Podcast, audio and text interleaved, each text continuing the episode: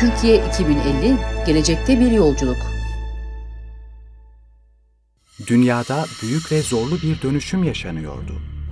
Nüfus 9 milyara dayanmıştı.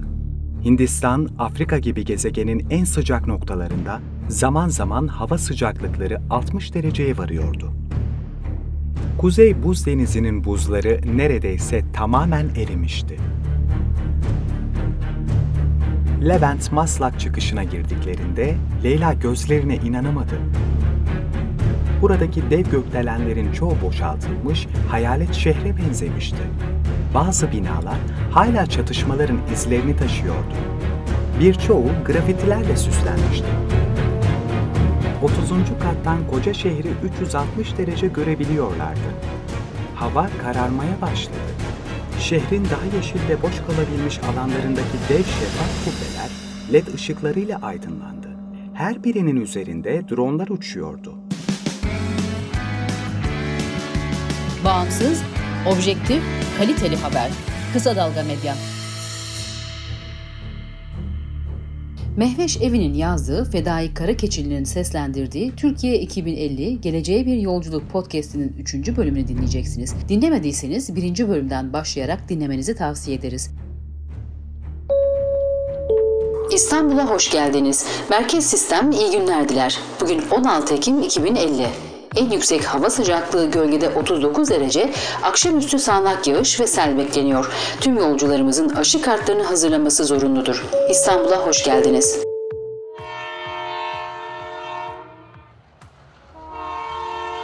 Leyla bu anonsu bir kez daha dinleyecek olursa baygınlık geçirebilirdi. Halkalı tren garında 40 dakikadır bekliyordu. Üstelik çok acıkmıştı. Nihayet halasının tanıdık sesini duydu. Birbirlerine uzun uzun sarıldılar. Garın çıkış kapısındaki dezenfekte kabinine girdi Leyla. Artık İstanbul'a gelen her yabancı için bir zorunluluktu bu. İklim koşulları nedeniyle nereden, hangi virüsün geleceği belli olmuyordu. Leyla'nın babası son dakika çıkan bir kriz yüzünden gelememişti. Füsun onu alıp dosdoğru karargah dediği bir yere götürecekti. Füsun'un arabası eski bir modeldi ama sağlamdı.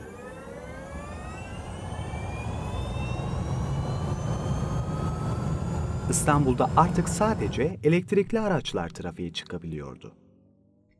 Avrupa, Amerika Birleşik Devletleri derken Çin 2030'dan itibaren kademeli olarak elektrikli ve hidrojenle çalışan araçlara geçmişti. Türkiye'de uluslararası bir anlaşmaya imza attıktan sonra sıfır karbon politikasını mecburen uygulamaya başladı. Ancak İstanbul birden fazla afetle aynı anda mücadele etmek zorunda kalmıştı.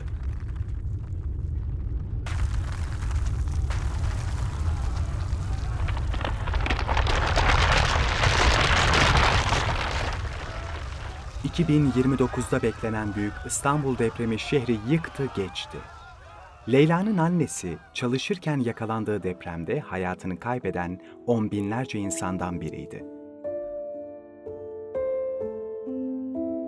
Aile için bu büyük felaketten sonra toparlanmak çok zor olmuştu.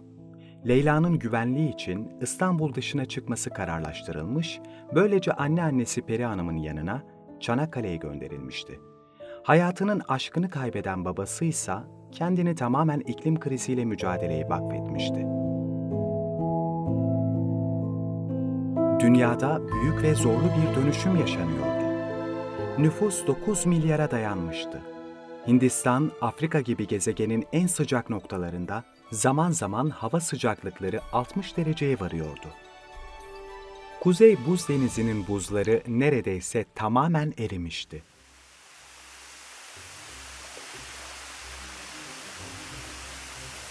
Deniz seviyesinin yükselmesi dünyada pek çok sahil kentinde paniğe neden oldu. Miami, New York, Kobe, Tokyo ve Amsterdam'da taşkınlar oluyordu. Paris'te yaz sıcaklıkları 40 dereceyi aşıyordu. Londra'nın o meşhur yağmurlu havası da değişmiş, bir Akdeniz kentine benzemişti. Ne var ki Londralılar bile buna sevinemiyordu hiçbir ülke iklim afetinden muaf kalamıyordu.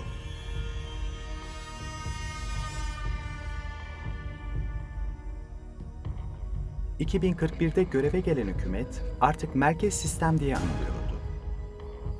Enerjiden gıdaya, yeni dünya şartlarına uyumlu politikaları hayata geçirmek için yeni bir anayasa hazırlandı. Ancak orman ve tarım arazileri, sahilleri, doğal koruma alanları yıllarca öylesine talan edilmişti ki çok sert uygulamalar devreye girdi. Ne var ki karbon salınımının asıl sorumluları olan şirketlere tanınan kolaylıklar halka tanınmıyordu. Vergiler, zamlar, işsizlik korkunç boyutlara varmıştı. Haberleşme ve seyahat özgürlüğü vatandaşın elinden alınmıştı. Şirketlerse yeşilleniyoruz sloganlarına rağmen çevreyi tahrip etmeye devam ediyordu. Artık beyaz yakalılar işlerini evden yürütüyordu. Şehirlerde okulların çoğu kuantum bilgisayarla eğitime geçtiğinden kapatılmıştı.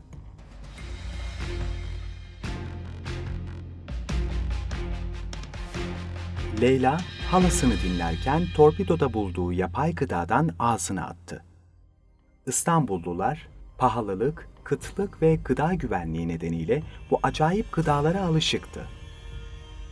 Lahmacun, poğaça, kurabiye tatlarıyla bile pazarlanan bu ürünler berbattı. Ama tok tutuyordu işte.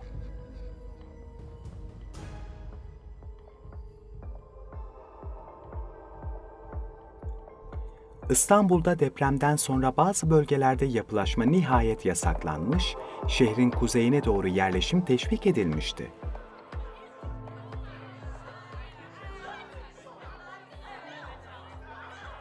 Evsiz kalan yüz binler dev kamplarda ve camilerde toplanmıştı. Afetler birbirini izleyince buralarda yerleşik düzene geçenler de oldu. Yoksulların ve orta hallilerin bir kısmı evlerinden, mahallelerinden ayrılmadı. Nereye gideceklerdi ki?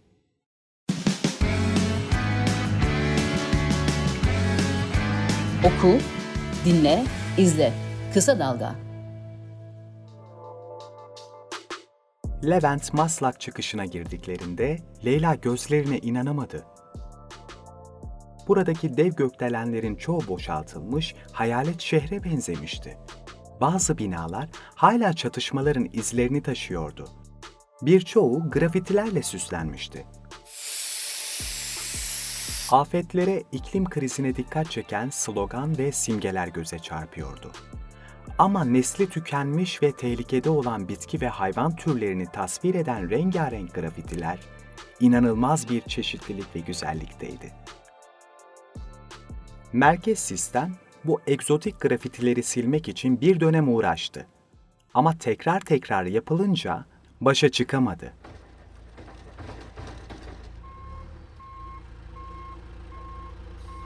İstanbul'daki eski yapıları hem depreme hem iklim dostuna dönüştürmenin maliyeti çok yüksekti. Akıllı sistemlerle donatılmış, enerji verimliliği şartlarına uyan, kendi kendine yeten binalar yapmak çok maliyetliydi. Avrupa ülkeleri bu konuda önce oldu. 2040'a kadar binaların %50'den fazlası yeni izolasyon şartlarına uyumlu hale getirildi. Bu sayede milyarlarca eurodan tasarruf ettikleri gibi küresel ısınmanın etkisini azaltmayı başarmışlardı. Güneş panelleriyle kendi enerjisini üreten, uzaktan kumanda edilebilen otonom binalar giderek popülerleşmişti.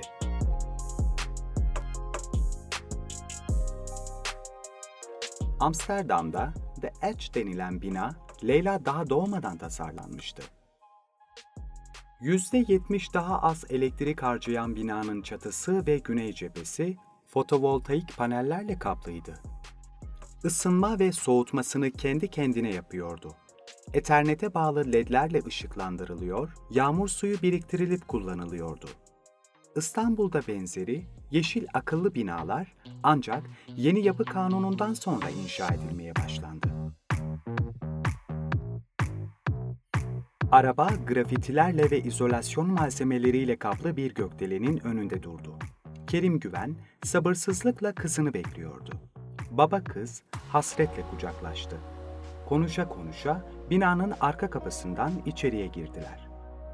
Giriş katı yıllar önce terk edilmiş gibiydi. Merdivenleri tırmanmaya başladılar. Elektrik tasarrufu için asansör kullanılmıyordu. Dışarıdan terk edilmiş gibi görünen binanın içinde hayat vardı.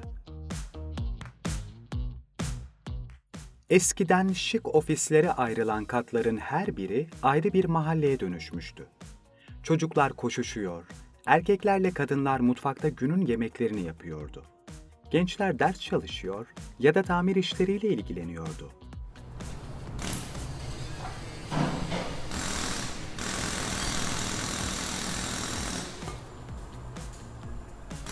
On beşinci kata vardılar. Buraya ofis diyorlardı. Bilgisayarların başında insanlar çalışıyor, bazıları poster hazırlıyordu.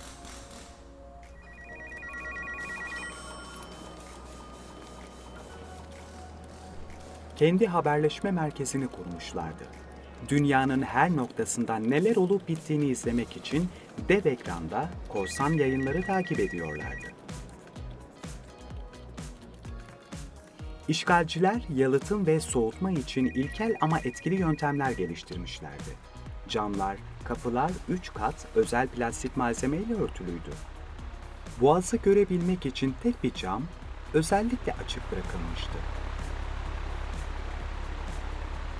Zaten elektrikli klimalar artık özel izne tabiydi. Klimalar hem aşırı elektrik harcıyor hem dışarıya verdiği havayla sıcaklığı daha da arttırıyordu. Babası küçük bir fincanda kahve uzattı Leyla'ya. Genç kadın şaşırdı. Çünkü kahve içmek de lükstü. İklim değişikliği dünyadaki kahve hasadını da olumsuz etkilemişti. Leyla, babasının heyecanını, umudunu kaybetmediğini gördüğü için çok mutluydu. Birlikte gökdelenin çatısına çıktılar. İşgalciler çatıyı da bostanlığa dönüştürmüştü.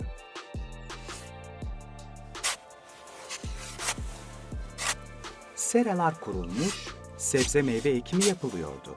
Herkese yetmiyordu tabii ama hiç yoktan iyiydi. Bir zamanlar İstanbul'un her yerinde, her mevsimde tarım yapılabildiğini anlattı babası. O günlere dönmek zor olsa da imkansız değildi. 30. kattan koca şehri 360 derece görebiliyorlardı. Hava kararmaya başladı.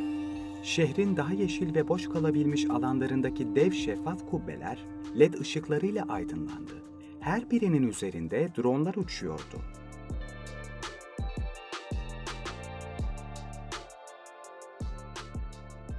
Zenginlerin yaşadığı tamamen izole birer mahalle büyüklüğünde sitelerdi bunlar.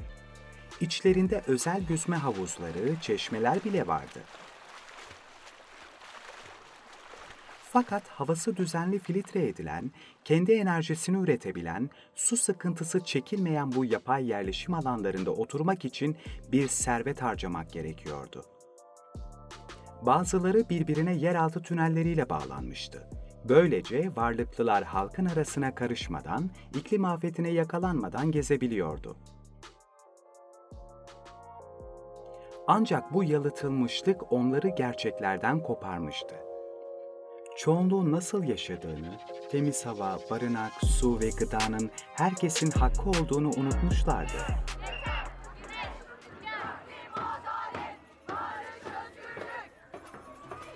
Leyla'nın babası gibi aktivistler korsan gösteriler düzenleyerek, interneti hackleyerek herkese bu gerçekleri hatırlatıyordu. Sırada ne var diye heyecanla sordu Leyla. Babası uzaktaki bir binanın tepesini işaret etti. Önce hiçbir şey görmedi Leyla. Derken gökyüzünde dev bir ağaç hologramı belirdi. Ağaç büyüdü, maslağın üzerini kapladı. Etrafında kuşlar uçmaya başladı. Bütün binalarda ve sokaklarda sesleri yankılandı. Görsel gösterinin sonunda İklim adaleti hepimiz için yazısı gökyüzünde birkaç saniye asılı kaldı. Leyla'nın içini sıcak bir umut kapladı. Robin'in bu anı görmesini çok isterdi. O anda bir karar verdi. Tüm gücüyle bu çarpık düzenle mücadele edecekti. Doğa için, hayvanlar ve insanlar için daha umutlu bir gelecek mümkündü.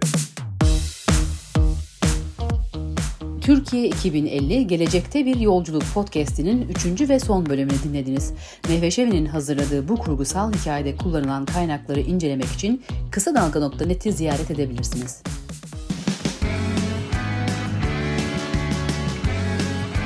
Oku, dinle, izle. Kısa Dalga